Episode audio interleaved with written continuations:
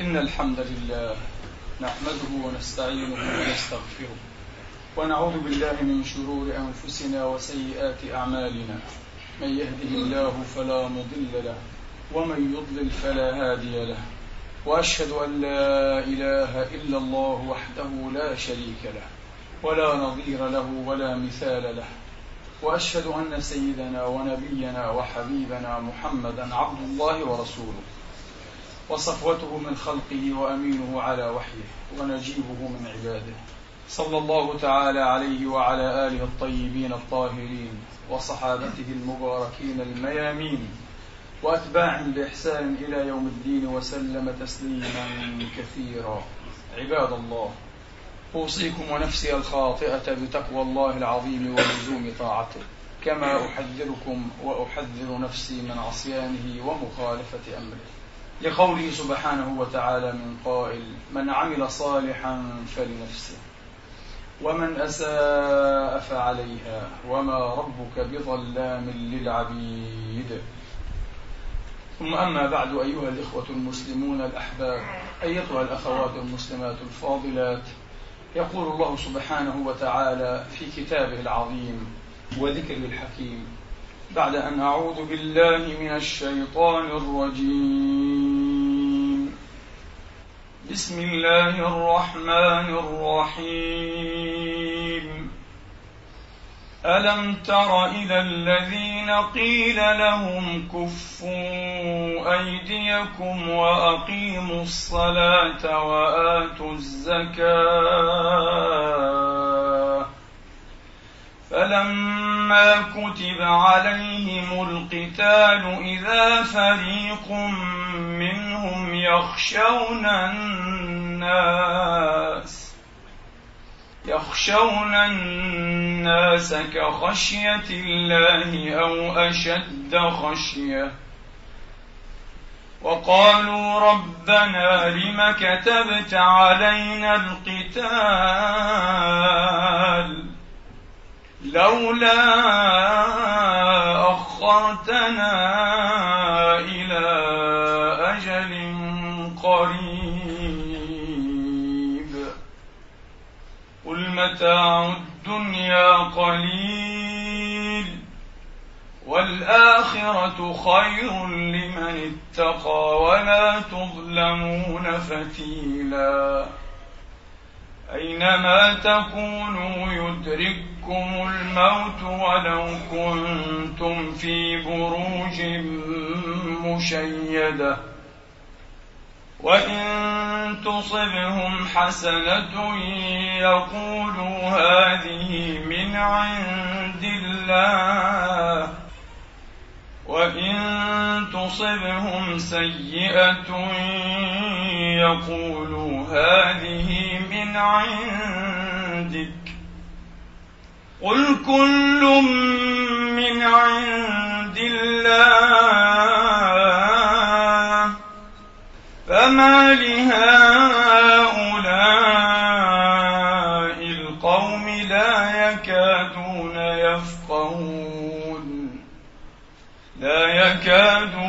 يفقهون حديثا. ما أصابك من حسنة فمن الله. وما أصابك من سيئة فمن نفسك. وأرسلناك للناس رسولا. وكفى بالله شهيدا. من يطع الرسول فقد أطاع الله. ومن تولى فما أرسلناك عليهم حفيظا. صدق الله العظيم. وبلى رسوله الكريم. ونحن على ذلك من الشاهدين. اللهم اجعلنا من شهداء الحق القائمين بالقسط. آمين. اللهم آمين. أيها الإخوة الأحباب أيتها الأخوات الفاضلات الآيات الجليلات ألم تر إلى الذين قيل لهم كفوا أيديكم وأقيموا الصلاة وآتوا الزكاة. فلما كتب عليهم القتال إذا فريق منهم يخشون الناس كخشية الله أو أشد خشية وقالوا ربنا لم كتبت علينا القتال لولا أخرتنا إلى أجل قريب قل متاع الدنيا قليل والآخرة خير لمن اتقى ولا تظلمون فتيلا إلى آخر السياق الكريم. في سبب نزولها يذكر السادة العلماء أن نفرا من أصحاب رسول الله صلى الله عليه وآله وأصحابه وسلم بمكة المكرمة أي حين كانوا بمكة قبل الهجرة. جاءوا إليه عليه الصلاة وأفضل السلام يطلبون إليه ويطلبون منه الإذن في مناجزة القوم في أن يقاتلوا هؤلاء المشركين العتاة الذين ساموهم الخسف وصنوف العذاب والتباريح. فأبى النبي صلى الله عليه وآله وأصحابه وسلم لأنه لا يشرع من لدن نفسه إنما هو مبلغ عليه الصلاة والسلام. قال لا لا تقاتلوا القوم فإني أمرت بالعفو فاصفح عنهم. الله عز وجل أمره أن يعفو. قال لا تقاتلوا القوم فإني أمرت بالعفو. فلما هاجروا وفرض الله القتال كان من بين هؤلاء ليسوا جميعا لكن من بينهم من نقص وكعب وكأنه رأى الآن أن الأمر جد. هذا ما تتمناه. ولقد كنتم تمنون الموت من قبل أن تلقوه فقد رأيتموه وأنتم تنظرون. هذه أخف الموت لما يحل بساحتهم وإنما مقدمات الموت مكامعة الكفار مجاهدتهم أيها الإخوة قتالهم. قالوا ليس في وقته. لو أخر قليلا لكان أحسن. أين الحماس؟ أين الاستعجال؟ أين الاستنجاز؟ لماذا؟ تراجعتم الآن. هذه الآية أيها الإخوة آية خطيرة في تشخيص أجواء الأمة وحال الأمة في كل زمان أيها في كل زمان وفي كل وقت. ولها نظائر كثيرات أو كثر في كتاب الله تبارك وتعالى. من نظائر هذه الآية قوله سبحانه وتعالى من قائل ويقول الذين آمنوا لولا نزلت سورة أي سورة يذكر فيها القتال والجهاد فإذا أنزلت سورة محكمة وذكر فيها القتال رأيت الذين في قلوبهم مرض ينظرون إليك نظر المغشي عليه من الموت تشخص أبصارهم. يشخص أحدهم ببصره كما يشخص بصر الميت الذي ينزع ويحتضر. ينظرون إليك نظر المغشي عليه من الموت فأولى لهم. الله يقول أهلكهم الله. معنى أولى لهم هنا آه على الأرجح ليس من باب التفضيل. آه أحق بهم وأيضا كذا كذا. لا هذا تفسير آخر موجود. هذا أصح. أولى لهم يعني الهلاك أصبح أدنى منهم. أهلكهم الله. ولذلك تختم بها الآية. فأولى لهم. ثم يستأنف مبتدئا فيقول طاعة وقول معروف. فإذا عزم الأمر إلى آخره. فأولى لهم أهلكهم الله. دعا عليهم سبحانه وتعالى. انتبهوا الآن. تفكروا يا إخواني وأخواتي في دعاء الله هو الذي يدعو به. الله داعيه قطعا هذا. لا نقول مقبول. الله هو الداعي وهو الفاعل لا إله إلا هو. لذلك انتبهوا لهذه اللفتة. في كل مقام أيها الإخوة وفي كل موضع من كتاب العزيز إذا رأيتم الله يدعو فالأمر جد خطير. إذا رأيتم الله يسمي أو يصف فالأمر جد خطير. انتبهوا جد خطير. يعني الله مثلا أيها الإخوة نحن لا أحيانا لا ننتبه إلى هذه اللفتات الحساسة في كتاب الله والمذهلة أيضا. حين يقول الله سبحانه وتعالى معلما لنبيه ولأمة نبيه. مثلا قل أعوذ برب الفلق من شر ما خلق ومن شر, ومن شر غاسق ومن شر ومن شر حاسد. مثلا إذا حسد شيء خطير. الله هو الذي وصف. وصف هذا الحاسد وقرنه. أيها الإخوة في سياق واحد مع الأبالسة والشياطين والشرور فتستطيع أن تعرف منزلتك وما لك عند الله بتأمل كلامه. انتبه إياك أن تكون ممن دعا عليهم سبحانه وتعالى.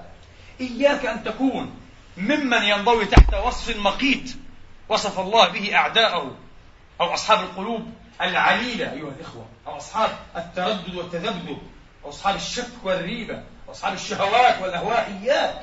المسألة خطيرة جدا والمعيار هنا إلهي ليس كما تعير أنت كما يقول هو وكما يصف هو هو سبحانه وتعالى من واصف ومن قائل ومن أصدق من الله قيلا هو سبحانه.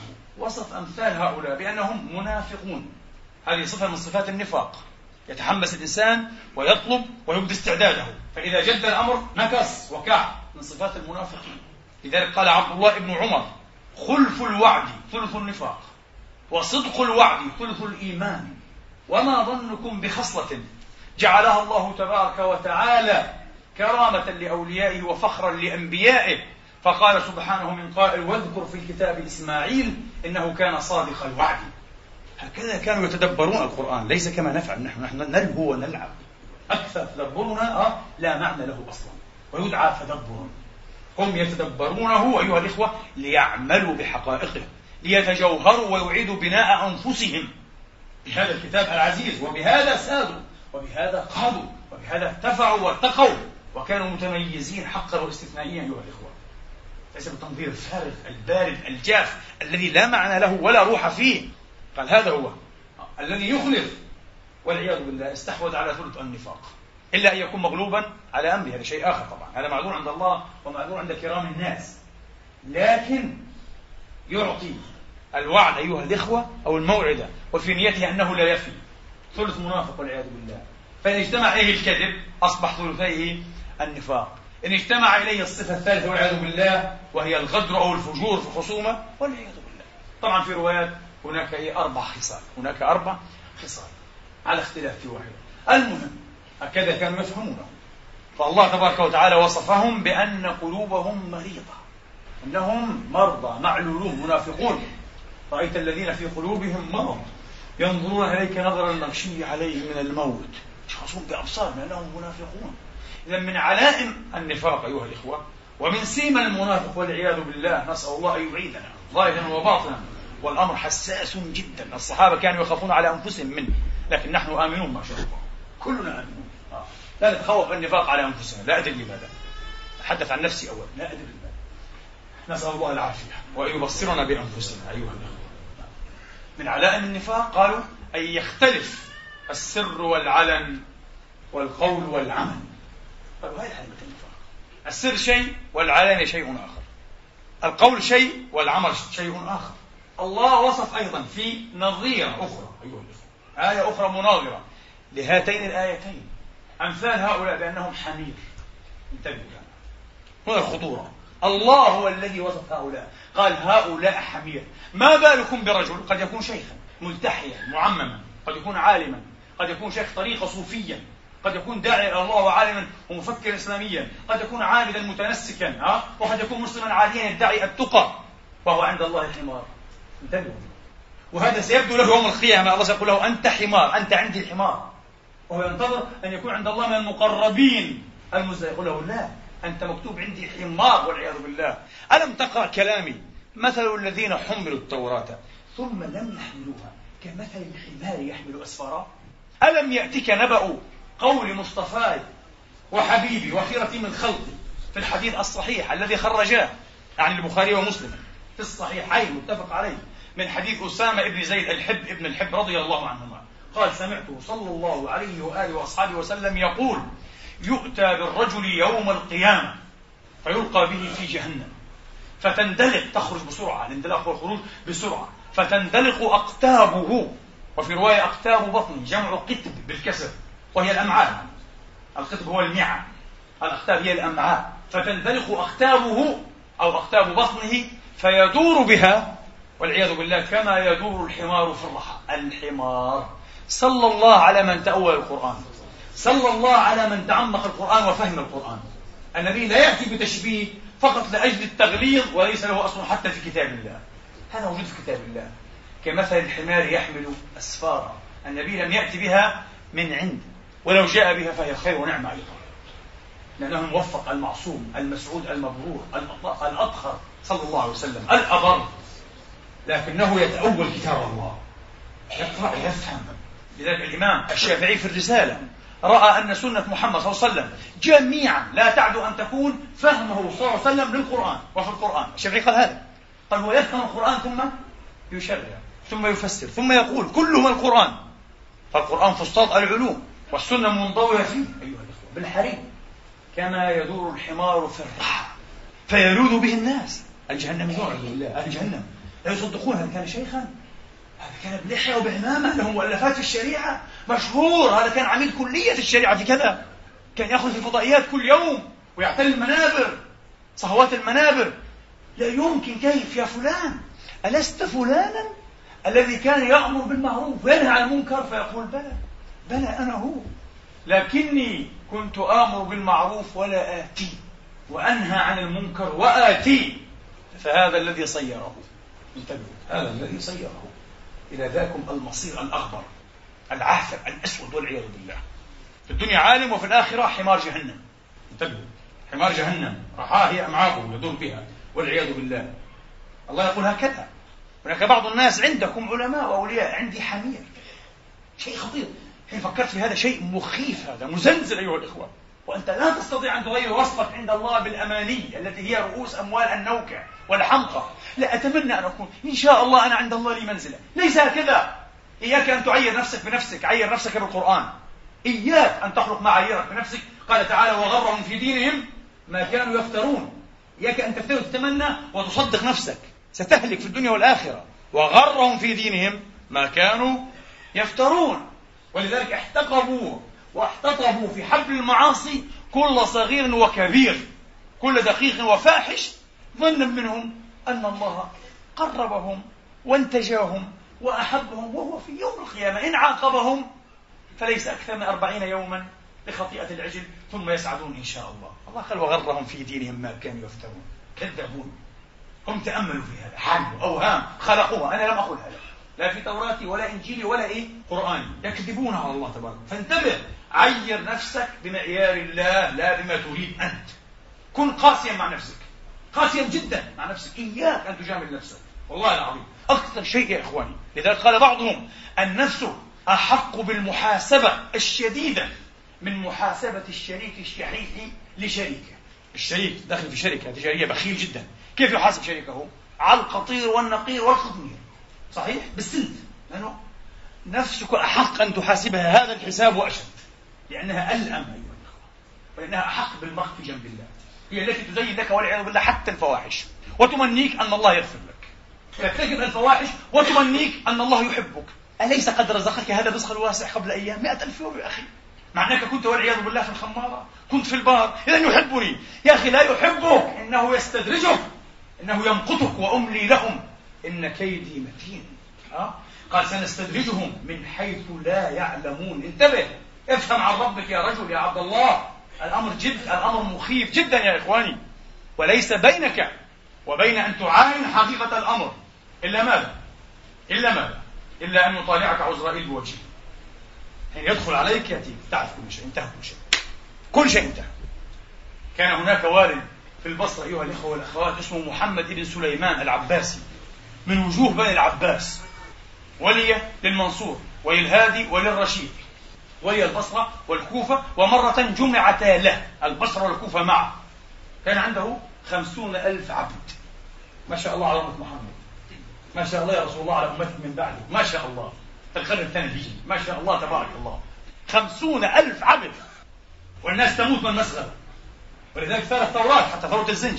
من الجوع والعطش والمسغبة يقول هؤلاء من نسل العباس من نسل رسول الله. ما شاء الله. خمسون ألف عبد. وغلته يوميا مئة ألف درهم. تخيلوا بالله عليكم. ومحمد صلى الله عليه وسلم يموت ودرعه درعه أيها الإخوة. مرهونة عند يهودي في خمسة أوسق من بر أو شعير النبي يموت ورهنيته عند يهودي. لأنه لم يكن يجد الشعير حتى يشتريه بحر مالي أين مالك رسول الله؟ أعطاه لمن يستحق ولمن لا يستحق. للأمة. يتألفهم لأنهم يستحق يتألفهم وأعطاه لمن يستحق. كان جوادا كريما. هذا هو القائد. يبيت طاويا صاغبا والناس شبعة مسرورين. نكمل قصة ابن سليمان بعد قليل. في البخاري ومسلم اسمعوا هذا الحديث الجليل. يقول جابر بن عبد الله بن حرام رضي الله عنهم وأرضاهم أجمعين. قال لي رسول صلى الله عليه وسلم ذات مرة يا جابر لو جاء مال البحرين. لو جاء إيه؟ المال من البحرين. النبي موعود به ينتظره. لاعطيتك هكذا. هذا معنى هكذا. الحث هكذا قلب يدي. لم يذكرها الراوي لكن السياق بعده يفسرها. لاعطيتك هكذا وهكذا وهكذا. كم حثي اذا ثلاث حثيات. ثلاث حثيات. قال جابر فقبض صلى الله عليه وآله وأصحابه وسلم ولم يأتي ماء البحرين فأتى أيام أبي بكر رضي الله عن أبي بكر وعن عهد أبي بكر الصديق صديق الأمة. الذي أيضا كان يبيض طاويا ويلبس المرقعة كإخوانه علي وعمر ويقسم ماله المسلمين ويتوفى الصديق خليفة المسلمين بلغة الغربيين إمبراطور المسلمين ويعيد أيها الإخوة نقودا دنانية إلى بيت مال المسلمين. يقول لا أحتاجها ليست لي. ويكفن في ثوبه الذي مات فيه. أبو بكر لا يشترى له كفن بدرهم. يقول الحي أبقى وأولى من الميت. أف لنا وتف قال يأتي مال البحرين في عهد أبي بكر. فيقف على المنبر. الله أكبر الله أكبر على الرجال على الأخلاق على الوفاء على القيم. يقول أيها الناس من كان له عند رسول الله دين أو موعدة فليأتنا. أنا أحق بأن أفي عن رسول الله أيضا. عيب في حقنا عيب أن الرسول يموت وربما وعد بعض الناس شيئا ولم ينجزه. حال بينه إيه؟ وبين ذلك القدر. مثل وعد جابر انتبهوا وإذا في واحد عنده دين يأتي أيضا. قال جابر فأتيت في من إيه؟ في من أتى. وقلت يا أبا بكر قال لي صلى الله عليه وسلم مرة لو جاء مال البحرين لأعطيتك هكذا وهكذا وهكذا. صدقه لأنه يعرف جابر بن عبد الله؟ صحابي جليل ناسك عابد ومجاهد ابن مجاهد شهيد قال فحث لي حثية حثية كبيرة. قال فعددتها فإذا هي خمسمائة ثروة قال خذ مثليها أيضا. لأن النبي قال هكذا وهكذا وهكذا. الوفاء. الوفاء. مع أن الرسول معذور العذر كله. لم ينجز ما وعد وقد أنجز حر ما وعد لأن الموت حال إيه؟ دونه ودون ذلك. حال بينه وبين أي ذلك؟ أبو بكر جاء ليوفي عن رسول الله. وهكذا يكون الحب والإخلاص أيضا والمتابعة. أنا يا رسول الله سأوفي دينك. سأقوم بعدتك. إذا قلت في أمر نعم فأتممه. فإن نعم دين على الحر واجب وإلا فقل لا تسترح وترح بها لئلا يقول الناس إنك كاذب. إذا قلت نعم في أمر آه فأتممه. إياك. إياك. قالوا نحن ظاهرة صوتية. حقا؟ أحقا نحن ظاهرة صوتية. هل شجاعتنا كلام؟ يبدو. هل كرمنا كلام؟ يظهر. هل وعودنا كلام؟ هذا ما نراه. هل عفتنا كلام؟ هذا ما يتبرهن. هل نحن حقا أصبحنا إذا ظاهرة صوتية؟ هل نحن ممقوتون إذا لأجل هذه المعاني؟ كبر مقتا عند الله أن تقولوا ما لا تفعلون؟ وندعو دائما في التراويح وإذ القدر ارفع مقتك وغضبك عنا. هل ترونه يستجيب؟ ونحن لم نستجب له. وهو القائل استجيبوا لله وللرسول. إذا دعاكم لما يحييكم. وإذا سألك عبادي عني. اسمعوا الآية. نحن دائما نأخذ نصفها. الله يقول أجيبوا دعوة الداعي. أخي أين النصف الآخر؟ فليستجيبوا لي. لماذا هكذا نفهم الدين؟ كما نريد كما قلت نعيره كما نريد. نعم يجيب إذا أنت أجبته. قال صهيب ما أكرم ربنا لو أطعناه ما عصانا. جربا جرب كما يقال بالعامية امشي تحته إيه؟ عادلا مقسطا مستقيما وانظر كيف سيعاملك. تمنى ما تريد بعد ذلك. هذا هو. لكن لا تمشي كيفما تريد ثم تقول وعدني بالإجابة. عن أي إجابة يا عبد الله تتحدث عن إجابة المغرورين الذين افتروا على الله وهم لا يعلمون أو يعلمون.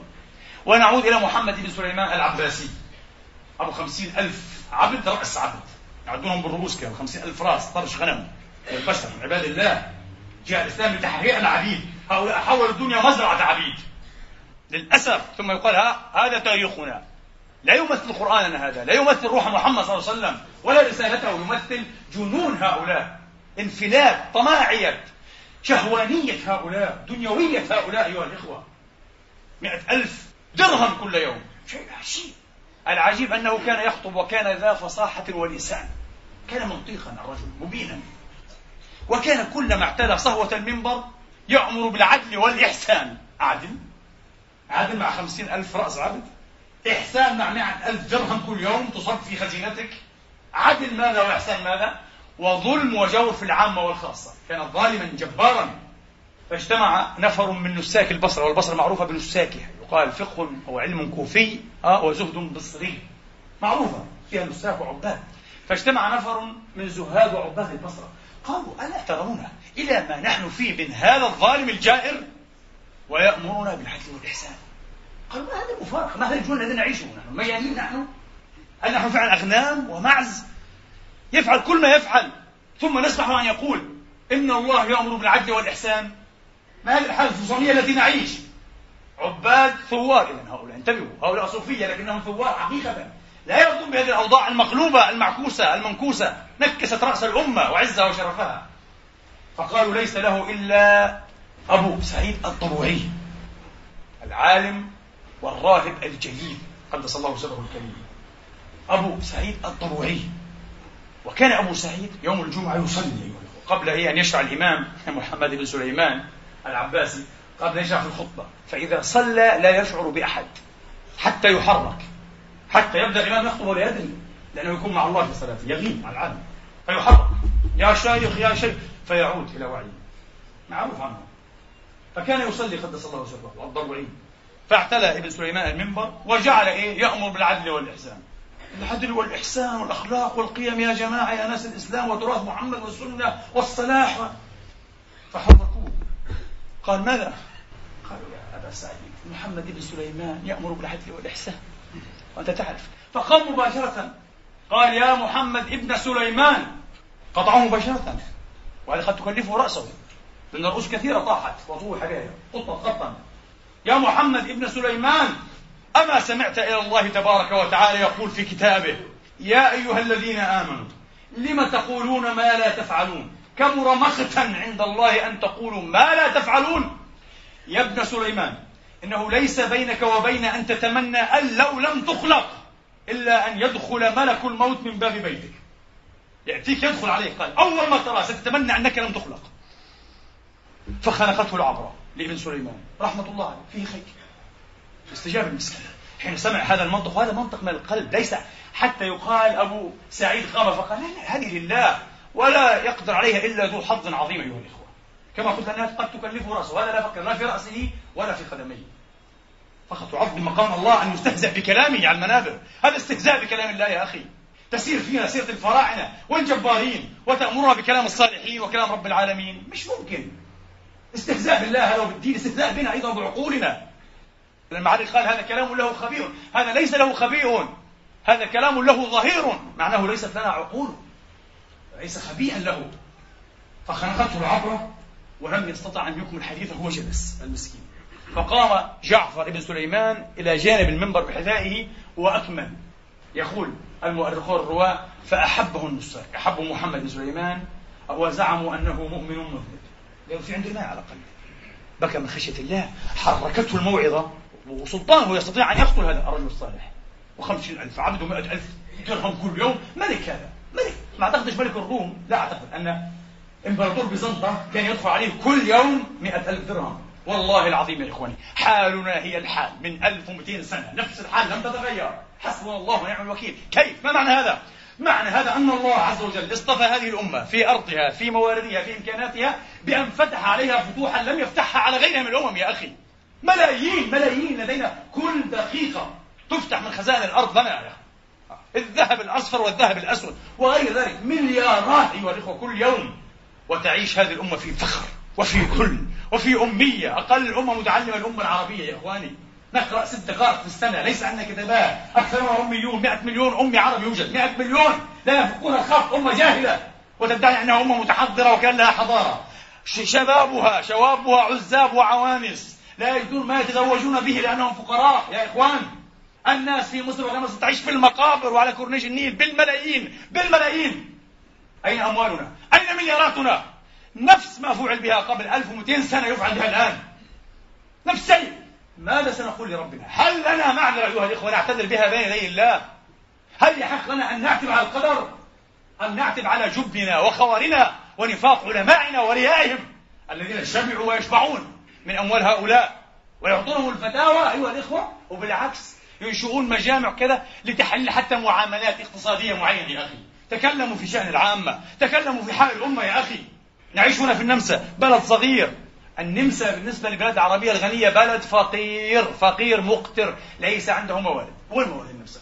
شوية خشب وشوية صناعات متواضعة يعني مش وين موارد النمسا؟ لا تقاس بالألمانيا ما عندها شيء. لكن نحن هنا نحن 400 ألف مسلم نفتخر بهذا العدد. 400 كلنا مكفولون بضمانات اجتماعية أيها الإخوة وصحية وغير ذلك ومساعدات للأطفال وللبيوت أموال الذي لا يعمل يعيش معززا مكرما. في بلد ها؟ أيها الإخوة ليس عربيا وليس مسلما نقول لكن يبدو أن هذا هو جوهر الإسلام وأن ما عندنا هو جوهر الفرعونية والقارونية. وإن زعم أن الإسلام ما شاء الله بخير في بلادنا والإسلام يطبق. والإسلام يخطب به على المنابر منابر الجهلاء ومنابر أكرمكم الله المستغنمين الغنم. أين أمثال الضبعي أين أمثال نساك البصر أيها الإخوة؟ لماذا لا يستحي الناس؟ لماذا لا يتكلمون؟ هذا هو. ما هي الحجة التي كانت كالسيف المسلط أيها الإخوة؟ السمهري التي قطع بها الضبعي. آية من كتاب الله. لا يستطيع أحد أن يضرب لا في صدرها ولا في عجزها. لما تقولون ما لا تفعلون؟ ويعلم ويعلم الكل أنه يقول ما لا يفعل. كبر مقتا عند الله. تقولوا ما لا تفعلون رجل آخر. المحب أبو خيرة. أو خيرة. أيضا العابد الزاهد الدرويش. كان درويشا اتهمه بعضهم بالجنون وليس بالجنون. عابد وعالم أيضا. وناسك المصري. مات في الثلث الأول من القرن الثاني الهجري. قام مرة الحوثرة. والي مصر. معروف الحوثرة. اسم مشهور. قام الحوثرة يخطب. ونفس الشيء مثل ابن سليمان هذا. يذكر الناس بالخير وبالمواساة وبالعدالة وبالإنفاق وبالصدقات وبالتراحم وبالتآلف وبالتحابب وبالعطاء إلى آخره. فقام له المحب. يصرخ. ومحمدا. يستغيث برسول الله. بارك الله فيك. ومحمدا. قم وارفع رأسك. وانظر ما فعلت أمتك بعدك. يا أيها هذا الرجل. قال له. يا أيها هذا الرجل. اتق الله. قال الوالد اتق الله. أما سمعته يقول لم تقولون ما لا تفعلون؟ كبر مقتا عند الله أن تقولوا ما لا تفعلون. قال خذوا المنافق. ابن سليمان كان خيرا منه. قال هذا منافق خذوه. فأخذوه وأتوا به وهو على المنبر. أتوا به إلى الأمير حوثة على المنبر. فقالوا له الناس يحبونه. رجل صالح ودرويش مجنون مجنون. قال مجنون؟ أجن مني من يقول ما لا يفعل. قال دعوه فإنه مجنون. عرف أنه سيفضح أمره يعني. وسيؤلب الناس عليه حتى يبدأوا يتكلموا أيها الإخوة بهذه اللهجة بهذه اللغة. تجرأ عليه ولا يهم حياته. قال مجنون أنا أتهم بأنني مجنون؟ من المجنون؟ المجنون الذي يقول ما لا يفعل. الذي يقول ما لا يفعل. يا أحبابي هذه كله إيه في آية؟ قلنا إنها نظيرة. هناك كثير أيضا. قوله تبارك وتعالى أتأمرون الناس بالبر وتنسون أنفسكم وأنتم تتلون الكتاب. أفلا تعقلون؟ سلب الله منهم إيه؟ العقل. هناك قال إنهم حمير. هنا قال إنهم لا عقل لهم. يعني إن شئت توسع حمير بغال تيوس. ماذا تريد؟ حشرات ديدان الله قال لا عقل لهم. لا عقل. لمن يأمر بالخير أيها الإخوة ولا يتفقد نفسه. ولا يرجى له الخير لنفسه. أين عقلك يا حبيبي؟ لماذا؟ نعوذ بالله أن يكون الناس أسعد بعلمنا ونكون نحن إيه؟ الأشقى به. نعوذ بالله من هذا المقام السوء. من هذا المقام النكد أيها الإخوة.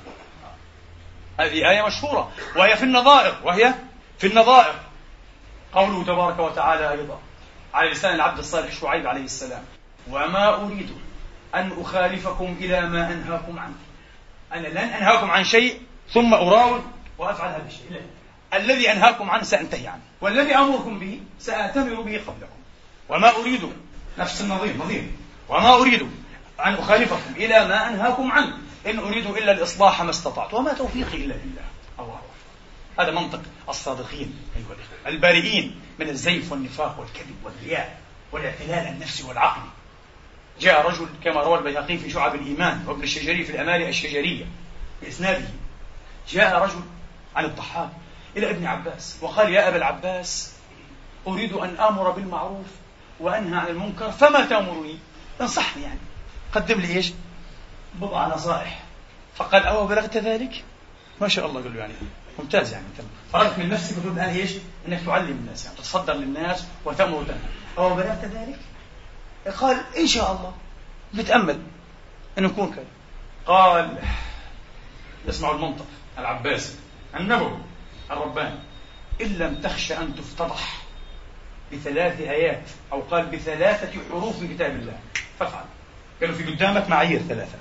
معايير فواضح أه؟ ثلاث آيات فواضح يمكن لكل واحد منها أن تفضحك على رؤوس الخلائق إن لم تخشى أن تفتضح بثلاثة أحرف من كتاب الله فافعل اذهب روح مر وانهى قال ما هي؟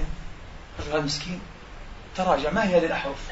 قال قوله تبارك وتعالى أتأمرون الناس بالبر وتنسون أنفسكم وأنتم تتلون الكتاب أفلا تعقلون هل أحكمت هذه الآية؟ قال لا شوف الصدق اليوم. آه طبعا طبعا. عرفها وبقراها شو بقى؟ أحكمتها. هل تحققت بها يا حبيبي؟ هل تخلقت بها؟ هل تحققت بها حقا في صغير أمرك وكبيره؟ شو تعرفها؟ حتى هذا الطفل الصغير يعرفها. يتحدث العباس عنها يقول أحكمت. هل أتقنتها؟ هل جودتها؟ سلوكا ظاهر وباطن في حياتك؟ الرجل صادق. قال لا. اللهم لا. لا. روى الإمام أحمد وغيره. من حديث أنس. قال قال صلى الله عليه وآله وصحبه وسلم ومررت ليلة أسري به برجال من أمتي تقرض شفاههم بمقاريض من نار والعياذ بالله. تخيلوا هذه الصورة البشعة المخيفة الراعبة مقاريض من نار جهنم. تخرج بها شفاههم ثم تعود طبعا. تنمو وتنبت ثم تخرج باستمرار. هذا عذاب. فقلت يا أخي جبريل من هؤلاء؟ عذاب بئيس. عذاب بئيس. فقال هؤلاء خطباء أمتك. اللهم لا تجعلنا منهم. والله نخشى أن نكون منهم. نخشى خشية كبيرة. اللهم لا تجعلنا منهم. قال هؤلاء خطباء أمتك الذين يقولون ما لا يفعلون يأمرون الناس بالبر وينسون أنفسهم وهم يتلون الكتاب. أفلا يعقلون؟ جبريل يقول لهم. قال هذا عذاب. قرض بالمقاريض لماذا الاستعجال إذا ولماذا الحبس السعيد من كفي بأخيه. السعيد من كفي بأخيه. إن كانت هناك كفاية والله. قال هذا الحرف. فما الثاني؟ قال يا أبا العباس. قال الثاني قوله تعالى لم تقولون ما لا تفعلون. كبر مقتا عند الله أن تقولوا ما لا تفعلون. أحكمت هذه الآية؟ يعني أحكمت هذه الآية. أحكمت هذه الآية. قال اللهم لا. ما طبقتهاش تماما. لا. قال فما هو الثالث؟ قال قول عبد الصالح شعيب لقومه وما أريد أن أخالفكم إلى ما أنهاكم عنه. إن أريد إلا الإصلاح ما استطعت. أحكمت هذه؟ قال لا. قال فبنفسك فابدأ. أولى بك ابدأ في نفسك يا أخي. لماذا تجعل نفسك خطيبا وعالما وواعظا ومؤلفا ومذكرا؟ وأنت تحتاج إلى هذا. أوحى الله إلى عيسى بن مريم. أي يا عيسى ابن مريم عظ نفسك أولا فإن اتعظت فعظ الناس. وإلا نفسك أولا ابقى مع نفسك في الأول. رب نفسك. رب نفسك. هكذا. أيها الإخوة والأخوات هذه المعاني كانت راسخة رسوخا حقيقيا في أمتنا. الأولى عدا من تعثر وخذله الله تبارك وتعالى. وكانت تشكل قيما اجتماعية كالعملة المتداولة. الكل يصادق عليها ويقر بها أيها الإخوة ويعير بها حتى كان الخليفة أيها الإخوة. لو خالف في أمرك هذا يعاب عليه. يقال إيه وعد ولم يفي قال ولم يفعل. يضحك. يصبح يضحك. اليوم لا الناس اليوم إلا ما رحم الله لا يستحيون. يقول ما عنديش مشكلة. بكذب وقاعد واخذ ما يهمنيش. يهمني أن فلوسي في جيبي. ها؟ يهمني أنني إيه سعيد في نفسي. من هذا. لأن الناس ما عادوا أيها الإخوة يحرصون على إيه؟ على جوهر الشخصية على الكرامة. أمس قلت لأحد إخواني قلت تعرف ما هو الإنسان عندي؟ في تعيين طبعا عند كل العقلاء والحكماء. قال ما هو؟ قلت ما يكونه في قبره. بمعنى نحي عنه لباسه. هذا لباسي ليس أنا. مستحيل هذا. يلبسه حتى قرد. أكرمكم الله. صحيح؟ في قرود في التلفزيون في هوليوود بلبسوها جاكيتات وقرفطات يلبسه قرد يلبسه أي إنسان آخر كافر منافق زنديق ما في مشكلة. هذا اللباس ليس أنا ولست أنا هذا اللباس. لست أنا رصيدي في البنك. شيء مختلف هذا. ولا يدخل معي في قبري. لست أنا المال. لأن المال قد يذهب. فهل أذهب؟ لا أنا باق. لو احترق لو غرق لو خسر أيضا أنا باق. لست المال ولست اللباس ولست بيتي وقصري وسيارتي. كل هذا قد أخسره وأبقى أنا. حين أبقى أنا كما أنا كما يعلمه الله كما أدخل قبري وحفرتي ورمسي. هل يبقى في وعندي ما يستأهل الاحترام من الناس؟ المحبة من الناس؟ التوقير من الناس؟ أيها الإخوة الدعوة الصالحة لي بظهر الغيب من الناس إن كنت كذلك فأنا إنسان. أنا إنسان يطلع وأحمد الله على هذه المنة. إن لم أكن كذلك فأنا صفر. أنا هواء بلون انتبهوا. بعض الناس هكذا. حدثت أخي هذا الفاضل. قلت له قصة الرجل النمساوي هنا في النمسا تقريبا قبل بضع عشرة سنة. كان من أصحاب الملايين المملينة وكان شابا لما يبلغ الأربعين من عمره. أعلن عن افتتاح أعظم فيلا في الحي التاسع عشر. وجاء الناس وجاء ال ORF الصحافة والإعلام وكذا وبعض الشخصيات ذوات الهيئة. وضع الشريط الأحمر للتدشين والافتتاح والإخوة وجاء بالمقص الكل مستعد للتصوير وإذا بالرجل يصدم الجميع. بأن أخرج مسدسه وأطلق على رأسه فوقع المليونير. قال لي لماذا فعل هذا؟ قلت له يريد أن يسير رسالة إلى هؤلاء الحمقى إلى فاقدي الحكمة والمعنى. أنا أتعاطف مع هؤلاء المنتحين أيها الإخوة. أنا متأكد أنهم بشر وبشر أسوياء ولكن في مجتمع أو في ظروف أحيانا غير سوية. هو وجد أنا متأكد عبر سنة وعشرة وخمسة عشر وعشرين سنة أن كل من يكتنفه ويحتوشه لا يحبه لذاته. ولا يحترمه لذاته. كلهم نهازون كذابون كل ما يريدون جيبه نقوده وهو كإنسان ناضج وواعي يريد أن يحب لذاته أن يحترم لنفسه. ليس لأمواله ولا لقصوره ولا لمنافعه لنفسه. هذا هو الإنسان إذا كان متعاطف مع هذا المنتحر حقيقة. أتعاطف مع هؤلاء. يبكي لهم قلبي هؤلاء ناس عظام. لكن لم يفهموا لأن البشر أصبحوا مأديين أصبحوا مثالة أيها الإخوة زبالة. ليس هكذا الإنسان. الإنسان أكرم وأعظم من هذا. الإنسان أكرم وأعظم من الدنيا كلها. ما رأيكم؟ بدليل الحديث الصحيح أن الله لم يرضى هذه الدنيا كلها جزاء لأسوأ عباده الصالحين. أسوأ واحد مؤمن. فكيف يرضاها جزاء لأحسن عباده محمد صلى الله عليه وسلم؟ لا يرضى الله. لا يرضى كل هذه الدنيا. أنت أكرم يا أخي على الله من كل هذه الدنيا والله وملكها لا ترضى أن تفقد شخصيتك وجوهرك واحترامك لنفسك من أجل شيء من هذه الدنيا القليلة. أبدا. لأنها لا تستاهل. أنت أعظم من هذا وأكرم من هذا. قلت هذا المعنى. وهو حدثني قصة طربت لها. قصة حسب ما حدثه محدثه الأخ التركي. حدثت قبل ربما عشرات يعني السنين ليست بعيدة. رجل كان غنيا في تركيا وكان من أصحاب أيضا الملايين إلا أنه كان من الصالحين. مقيم الصلاة يؤتي الزكاة يتفقد الحوائج يسد الخلل. كان من الطيبين المحسنين معروف. رحمة الله عليه رحمة واسعة. لكنه ختم حياته بوصاة عجيبة جدا. كتب وصاة أو وصية. في ظرفين. وقال وصية الآن شفاها ألا يفتح الظرف الأول إلا عندما أموت. ألا يفتح الظرف الأول إلا حين أموت. وإلا يفتح الظرف الثاني إلا عند قبري عند شفير قبري. إنسان حكيم على فكرة كما أقول دائما. أعظم الناس عقلا أكثرهم صلاحا. ولذلك الإمام أبو المعالي الجويني قدس الله سره أذكى أذكياء علماء المسلمين إن لم يكن أذكى البشر في وقته رحمة الله عليه. كان باقي عن بواقع الدار معروف. أستاذ أبي حمد الغزالي. سألوه. فقال سألوه قالوا يا أبا المعالي يا إمام الحرمين لو أوصى رجل بثلث تركته لأعقل الناس لمن تعطى هذه التركة إذا؟ قال للعباد الصالحين لأولياء الله لأنهم أعقل الناس. أعظم الناس عقلا الذين عرفوا الله تبارك وتعالى. أعظم الناس عقلا وأصفاهم لبا وجوهرا. هم الذين هم الذين تعرفوا إلى الله وعلى الله كما تعرف هو إليه عبر كتابه وعبر ذكره وعبادته وعبر تشرعهم بشرعه بأمره ونهيه. أعقل خلق الله. وكلما ابتعدت عن هذا الأبعد كلما ابتعد الأبعد كان أحمق. مهما كان حتى لو كان يحمل عشر شهادات دكتوراه. زكي مبارك مثلا. رحمة الله عليه. المصري الذي كان يسمى الدكاترة. زكي مبارك. عنده عدد من شهادات الدكتوراه عاش ومات أحمق. طبعا. في نظري وفي نظر كل العقلاء. تعرفون لماذا؟ قتله الإدمان. كان مع الكحول وقتله الإدمان. كابن سينا قتله الإدمان. وهو كان يعرف وخال سيقتلني الخمر والنساء. وقتل لأنه أحمق أيضا. ليس عاقلا. فيلسوف نعم لكن ليس عاقلا. العقل هو المؤمن. العقل هو العابد العارف بالله. اللهم اجعلنا من العقلاء. قال أفلا تعقلون؟ حتى وإن كانوا أحبارا. عندهم خمسين مؤلف في التوراة والتلمود هم الله قال كمثل الحمار. انتبهوا. معايير الله غير معاييرنا إحنا. غير شهاداتنا وكلامنا. وكلامنا الفارغ فالمهم فلما فتحوا الطرف الأول وصاع عجيبة جدا قال أنا أوصي أن أدفن بجواربي. هذا كل وصيتي لبسوا جواربي وبده أدفن فيه. ما صدقوش فكروا إيه يوصل بشيء مسجد بناء مستشفى كذا. طبعا أعطى الكثير في حياتي قالوا إيش يعني سألوا بعض الملايين قالوا؟ لا هذا لا يجوز ولم يحصل هذا وغير مرفوع عن السلف. إيه؟ كيف يدفنوه؟ مش صحيح.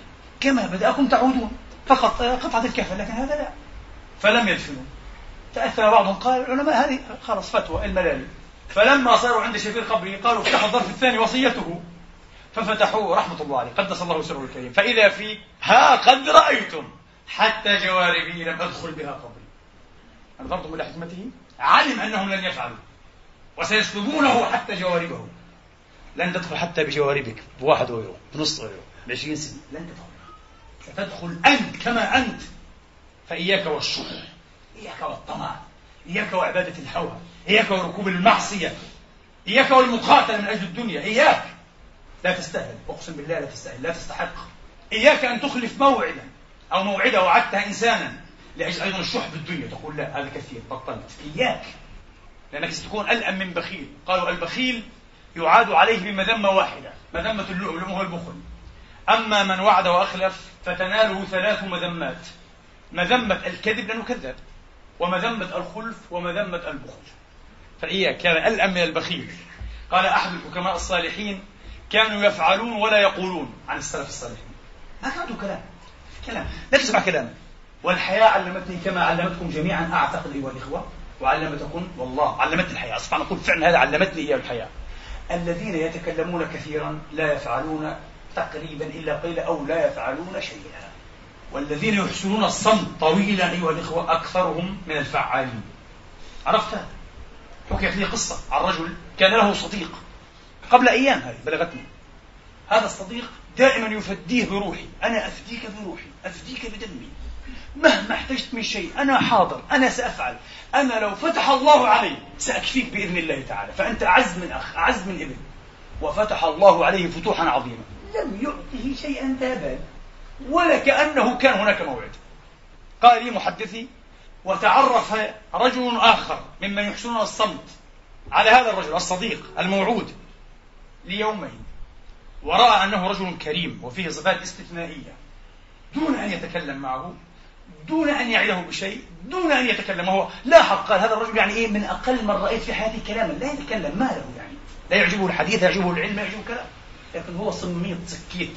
النبي قال إذا رأيتم الرجل وقورا رزينا يطيل الصمت فادنوا منه فإنه يلقن الحكمة. انتبهوا. الظاهر الصوتي نحن الآن. تصويت كلام بس على الفارغ وعلى الملآن كما يقال. لا. قال لي محدثي هذا الرجل الآن هو شارع في إعداد مشروع بناء فيلا لهذا الرجل دون أن يقول له أحد. سيبنيها ثم يهديها إليه. تفضل هذا؟ بعض ما تستحق. عجيب! الصمت الصدق. لذلك الحب الصادق أيها الإخوة والنية الماضية والعزم الماضي يعرف الصمت طويلا. أما الكلام الكثير هذا. لا إذا كان السلف الصالحون والإخوة كلامهم قليلا كله في عال يقول هذا الرجل الحكيم الصالح من أسلافنا يقول كانوا يفعلون ولا يقولون. ثم صاروا يقولون ويفعلون. والله كويس ماشي الحال. يا ريت الله يكثرهم كمان. يفعل يقول ما يقول يفعل. ثم صاروا يقولون ويفعلون. ثم صاروا يقولون ولا يفعلون. ثم صاروا لا يقولون. ولا يفعلون فزعم أنهم ظنوا بالكذب بعد أن ظنوا بالصدق. حتى يعطيك موعد يفرحك به بكذب مش حيعطيك. لأنه لا قلقان من ذلك أنا ما عنديش.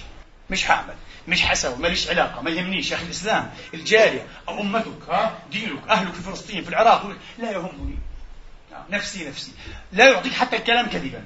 لا يعطيك وعدا كاذبا. فزعم أنهم ظنوا بالكذب بعد أن ظنوا إيه؟ بالصدق. حسبنا الله ونعم الوكيل. هكذا نحطط هذه الأمة ثم نزعم أننا خلاف هذه الأمة. يعني اسلافنا والله أنا أستحي أقسم بالله. أستحي أن أقول اسلافنا اسلافي يعني أسلاف أمثالي؟ ليسوا أسلافنا نحن. هم اسلاف أناس آخرين. وإن أردنا أن ندعي ونتسلى ونتعزى بالانتساب إليهم نعم فهم خير أسلاف لشر أخلاف. لنكن واقعيين. إلا من رحم الله وقليل وهم كثرهم الله تبارك وتعالى. هذا هو قضية القول والفعل. كبر مقتا عند الله أن تقولوا ما لا تفعلون. كما قلت هذه كانت قيما عامة يحاسب عليها حتى الخليفة. سأحكي لكم قصة طروقكم أبو جعفر المنصور للأسف هو كان مشهورا لأنه مدبر واقتصادي إلى حد البخل ولذلك كان يلقب بأبي الدوانق يعطي بالدانق. واحد تقريبا على سبعين من الدرهم. تخيل؟ يعني زي اليوم بالسنتات هيك آه؟ بالبنس. وخليفة. المهم يقال كان مدبر وقال كان بخيلا على كل حال وتعرف عنه قصص يعني إلى حد ما تختلف. أبو جعفر المنصور. ماتت أم ولد للهذلي الشاعر المشهور. أم ولد تكون هذه جارية ويكون إيه يعني قد علقت منه الولد فتسمى أم ولد. إن مات تتحرر. هذه أحكامها باختصار في الفقه. تسمى أم ولد. فماتت أم ولد كان يعلقها يعني يحبها. كان إيه؟ يعلقها. فماتت وحزن عليها. فسير إليه إيه؟ أبو جعفر المنصور وزيره الربيع أمره أن يعزيه بأن يقول له أبو جعفر يعدك بجارية حسناء وضيئة ذات أدب وجمال. فهمها عندها شعر وتفهم يعني تحب شغال وإلى ذلك تسليك إيه عما فقط. وإلى ذلك يا هذلي بصلة وكسوة ومركوب حسن. والله ممتاز. تسلية ممتازة بالخليفة وجعل الهذلي إيه؟ يتحين الإنجاز. لكن المنصور نسي أو تناسى لا ندري. ما في شيء خليفة أنت تستطيع. وعلى فكرة سأقول لكم قاعدة انتبهوا. ولذلك إياك أن تعد إنسانا وليس في نيتك الوفاء جزما. أنت تنسى. الذي يعد دائما ينسى. الذي يوعد لا ينسى. ما رأيكم؟ والله ولو بعد عشرين سنة. يقول قال لي مرة لو فتح الله عليه سأعطي وأعمل كذا كذا ولم يفعل. وتبقى في نفسه ويعلم أنه لئيم. وأنه أخلف موعده انتبه إياك أن تعد. ثم لا تفعل. مهما كلفك هذا. احتراما لنفسك. ها؟ وهربا من مقت الله وغضبه. هربا من مقت الله. كبر مقتا عند الله. انتبه أبو بكر وفى كما رأيتم بعد وفاة رسول الله. انتبهوا. فالموعود لا ينسى المسكين لا ينسى. الذي يعد ينسى المنصور نسي فحج المنصور ذات مرة وقدم في البداية المدينة جاء المدينة ومعه الهذلي الشاعر. فقال ذات ليلة أحب أن أطوف بالمدينة المنورة. فلو التمست لي من يطوفني؟ زي دليل سياحي يعرفني. هذا هنا وهذا قبر فلان وهذا بيت فلان وهذا كذا. هاي تطوف قال أنا لا يا أمير المؤمنين. وانظروا إلى إيه؟ إلى جميل استمناح وذكي ولطيف إيه التذكير. شاعر رجل أديب. قال أنا يا أمير المؤمنين. قف على بركة الله فخرج. وجعل يعرفه هذا قبر فلان هذا مكان فلان هذا كذا هذا موقع هذا كذا. إلى أن إيه؟ جاء على بيت عاتكة بن زيد بن عمرو بن نفيل ولم يسألوا المنصور عن هذا البيت يعني بيت عادي قال يا أمير المؤمنين وهذا بيت عاتكة. الذي قال فيه الأحوص الشاعر الأحوص ها؟ يا بيت عاتكة الذي أتعزل حذر العدا وبه الفؤاد موكل. إني لأمنحك الصدود وإنني قسما إليك مع الصدود لأميل فلم يعجب المنصور بهذا لماذا؟ تحدث عن أحوص وعن عاتك وبيت وأنا لم أسألك. فيعني استاء في نفسه لكن أدرك أن هناك رسالة من إيه الشاعر الهدى. قال لماذا؟ لماذا؟ حدثني عما لم أسأله وليس هذا الأدب مع السلاطين. في ذكاء ناس كانوا يا أخي؟ شاعر ذكي وهذا المنصور مصيبة من المصائب أيضا. ليس مثل حمقى اليوم. يعني الفقرة تشابه علينا المهم حتى الكلام حمق أحمق. تسمع كلام أحمق انظروا المنصور لم يكونوا ناسا عاديين. فلما عاد أمر على قلبه القصيدة كلها. يحفظ القصائد يحفظ القصائد والدواوين. مثقف وإلا يهجن. خليفة جاهل لا يعرف أي شيء. لا سنة لا قرآن لا شعر. لا يعرف. أمر قصيدة الأحوص على قلبه فارتطم ببيت فإذا فيها وأراك تفعل ما تقول وبعضهم مذق اللسان يقول ما لا يفعل. قال هذه مباشرة أنجزه ما وعده واعتذر إليه اعتذر بس فعلا واغفر لي واسمح لي. والله لقد نسيت وهذا كل ما وعدت. إيش الأمة هذه أمة تستطيع أن تتعامل معها حتى. صحيح مهما كان أي هؤلاء ظلمة في عقل في أدب في فهم. في حساسية نفسانية صحيح؟ يعني لماذا؟ يعني أكيد في شيء. ها؟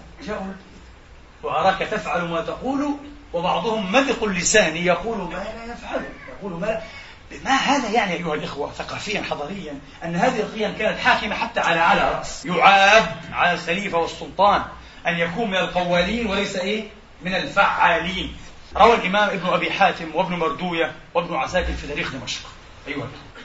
أن عبد الله بن رواح رضي الله تعالى عنه وأرضاه الصحابي الشاعر الشهيد في موته روح الله روحه في أعلى الجنان. كان يأخذ بيد النفر من أصحابه صحابي الجليل. ويقول لهم هيا نذكر ربنا ونزدد إيمانا. بالذكر كان جواب إيه شرط يعني آه نزداد إيمانا. هيا نذكر ربنا نزدد إيمانا. هيا نذكر ربنا بالطاعة والشكر. ليذكرنا سبحانه وتعالى بالمغفرة. فكانوا يهشون للذكر المعاني هذه نعم الله وإيش الله أعطانا وإيش الله كذا وإيش كذا. فكانوا يهشون آه أيها الإخوة ويتشوقون. حتى قالوا مرة وفيهم عبد الله بن رواحه اللهم لو كنا نعلم أحب الأعمال إليك لعملنا. يا رب وين أحب عمل تعمله؟ تحب أي أن نعمله؟ سنعمله لك. نبقى عليه إن شاء الله. فأنزل الله تبارك وتعالى سبح لله ما في السماوات وما في الأرض وهو العزيز الحكيم. يا أيها الذين آمنوا لم تقولون ما لا تفعلون؟ كبر مقتا عند الله أن تقولوا ما لا تفعلون. إن الله يحب الذين يقاتلون. إذا ما هو أحب الأعمال؟ إيه؟ الجهاد في سبيله لدفع دينه ونصرة أوليائه ومستضعفيه موحديه. إن الله يحب الذين يقاتلون في سبيله صفا كأنهم بنيان مرصوص. صدق الله العظيم. هذا الحديث رواه أيها الإخوة يعني كثيرون كما ذكرنا بعضهم قال عبد الله بن رواحة فلا أزال حابسا نفسي في طاعة الله حتى أستشهد. انتهى. ظل يطلب الجهاد ويحبس نفسه إيه؟ في طاعة الله ليل نهار حتى إيه؟ يبلغه الله منازل الشهداء لأن الشهادة أحب إيه؟ الخواتم والجهاد أحب الأعمال إلى الله. فلما كان يوم مؤتة تعلمون قصته حين تأخر قليلا كذا المهم ها؟ فلما كان يوم مؤتة رفع صوته شهيرا قال يا أصحاب المجلس. أي مجلس؟ الذي تمنوا فيه تلكم الأمنية. لا ينسى وربي ليس ينساه. قال يا أصحاب المجلس أين ما وعدتم به ربكم هذا أحبه إلي.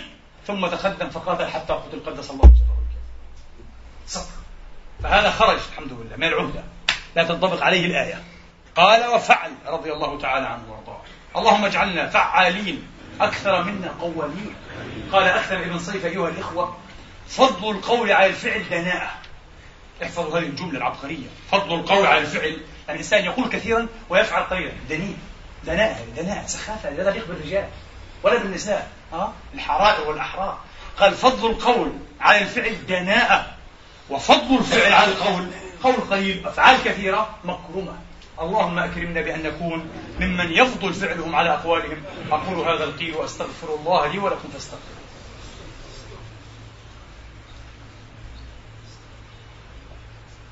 الحمد لله.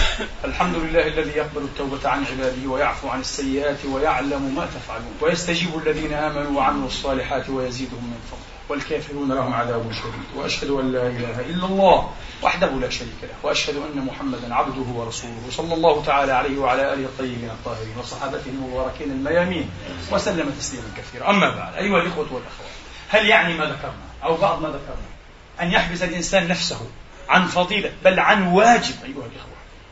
الجهاد في سبيل الله بالأمر بالمعروف والنهي عن المنكر إذا لم يكن كاملا في نظر نفسه؟ لا. كل الفقهاء تقريبا قالوا لها ليست هذه العدالة الكاملة شرطا في أن تأمر وأن تنهى. وإلا لكان أسعد الخلق بهذا إبليس.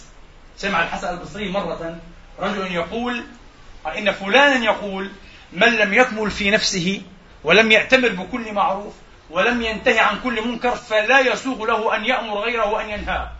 قال تلك التي ود إبليس لو حظي بها منا. قال يا ما شاء الله هالمعلومة هذه؟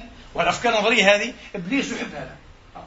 قال ولو كان ذلك يقول حسن البصري لما وجدت من يأمر ولا وجدت من ينهى.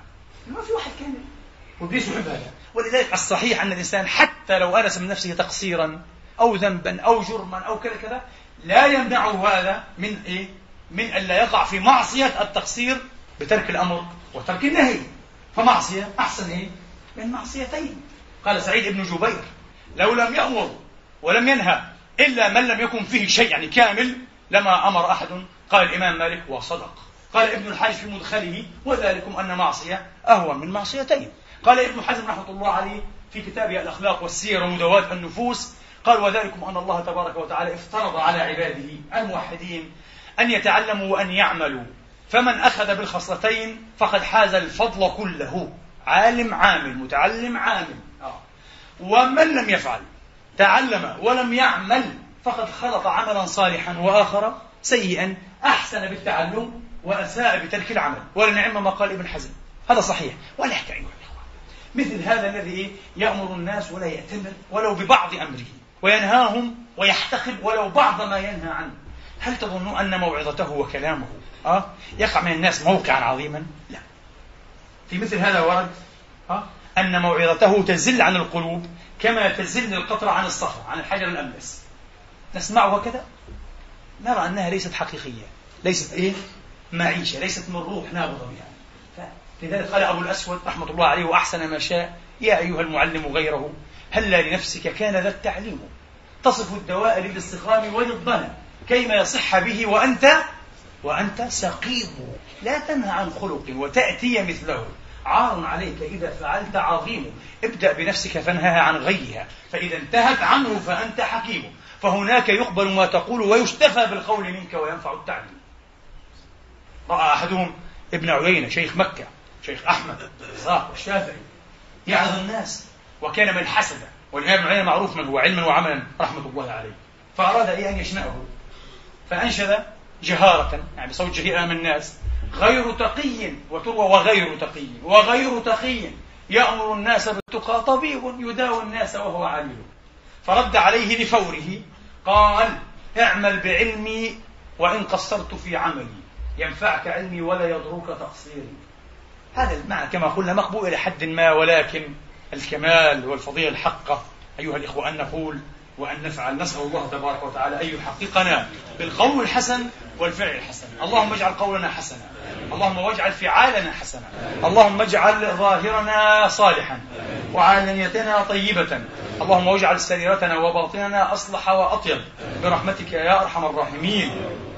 اغفر لنا ما قدمنا وما أخرنا وما أسررنا وما أعلنا وما أسرفنا وما أنت أعلم به منا. أنت المقدم وأنت المؤخر. لا إله إلا أنت. اللهم ارحمنا في هذا الشهر الكريم. اللهم واغفر لنا ذنبنا كله في هذا الشهر العظيم. اللهم واعتق فيه رقابنا من نار جهنم برحمتك يا أرحم الراحمين. والمسلمين والمسلمات معنا. بفضلك ومنك أجمعين. بفضلك لا بأعمالنا فإننا ضعفاء. اللهم فقو في رضاك ضعفنا وخذ إلى الخير بنا وواصينا وهب لنا الجد في خدمتك. والصدق في طاعتك. والنفاذ في محبتك. إلهنا ومولانا رب العالمين. واكفنا ما أهمنا من أمر دنيانا وأمر أخرانا. واختم بالسعادة آجالنا وبالباقيات الصالحات أعمالنا. وتوفنا وأنت راض عنا. عباد الله إن الله يأمر بالعدل والإحسان وإيتاء ذي القربى. وينهى عن الفحشاء والمنكر والبغي يعظكم لعلكم تذكرون فستذكرون ما أقول لكم وأفوض أمري إلى الله إن الله بصير بالعباد قوموا إلى صلاتكم ويرحمكم الله.